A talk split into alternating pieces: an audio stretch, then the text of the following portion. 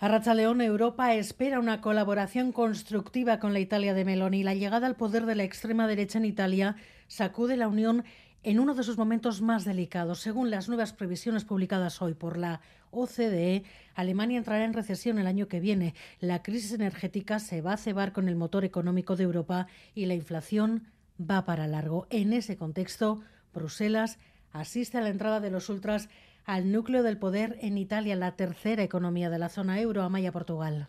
Sí, la Comisión Europea espera con cautela la formación del nuevo gobierno en Italia y no se sale de su línea oficial. Tratará de trabajar con el nuevo Ejecutivo como hace con cualquier otro elegido democráticamente. Eric Mamer, portavoz. La presidenta travaille avec les gouvernements qui sortent des urnes il n'en va pas différemment dans ce cas. Bruselas espera también que el discurso ultraderechista de Meloni no se refleje en sus decisiones políticas, sobre todo porque Italia se juega a los fondos de recuperación, que buena falta le hacen, pero a su vez ve con inquietud que la familia política del húngaro Víctor Orbán crece en el seno del Consejo con un nuevo miembro que representa nada menos que a la tercera economía de la Unión. Meloni, que llega al poder hablando de orgullo, de banderas, la Liga menos del 9% de los votos, el partido de Berlusconi se ha quedado en poco más del 8. La derecha tradicional desaparecida en Italia y la izquierda pendiente de una refundación en busca de un nuevo liderazgo. Enrico Letta no volverá a presentarse, pero sí que anuncia una oposición muy dura. Questa legislatura invece sarà la legislatura più a destra della storia d'Italia e questo ovviamente è un rammarico profondo, personale, ma è anche uno stimolo molto forte per tutti noi.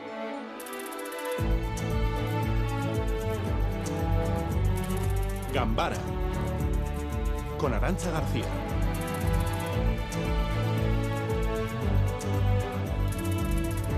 Y la militancia socialista elegirá al candidato a la alcaldía de Donostia. O'Donnell Orza ha conseguido el pase a las primarias con un notable respaldo en avales. David Veramendi ha estado esta tarde en Alza, el barrio en el que siempre vota el PS en las municipales.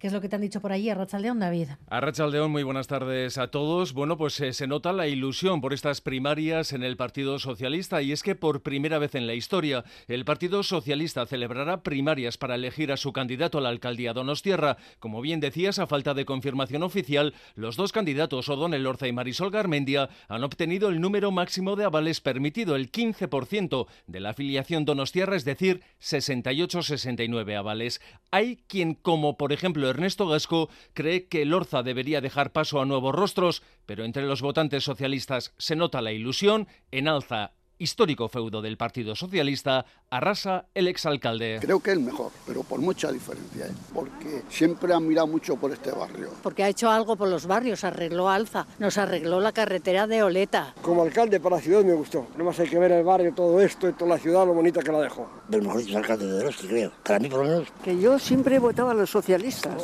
y seguiré votando. Hombre, Lorza, sin dudar alguna.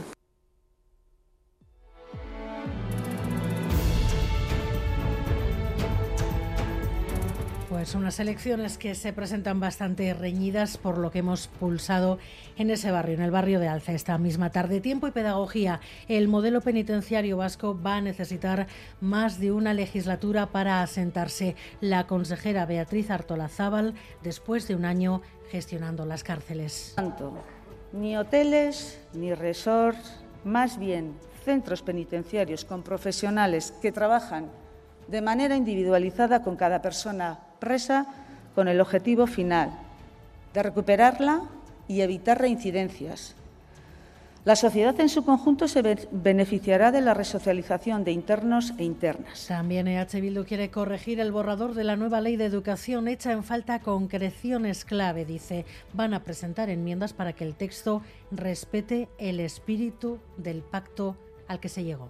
Este debe ser un debate sin límites, por lo tanto tenemos que debatir sobre el futuro de la educación vasca y sobre el futuro del sistema educativo vasco sin límites. No nos podemos autolimitar en el debate político que vayamos a afrontar los siguientes meses. Quedan tres meses para la Navidad y a pesar de los llamamientos al ahorro energético, en Astigarraga, por ejemplo, se ha decidido que se encenderá el alumbrado. Lo han hecho sus vecinos a través de una consulta popular.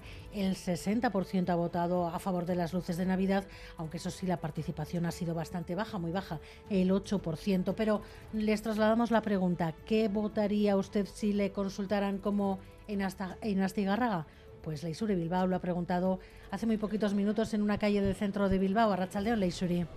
Arrachaldeón, sí, aquí estamos, en una de las calles más concurridas de Bilbao. ¿Luces de Navidad, sí o no? Pues seguramente si se llevase a cabo una encuesta en la capital vizcaína, el resultado sería muy ajustado. Vamos a escucharlo.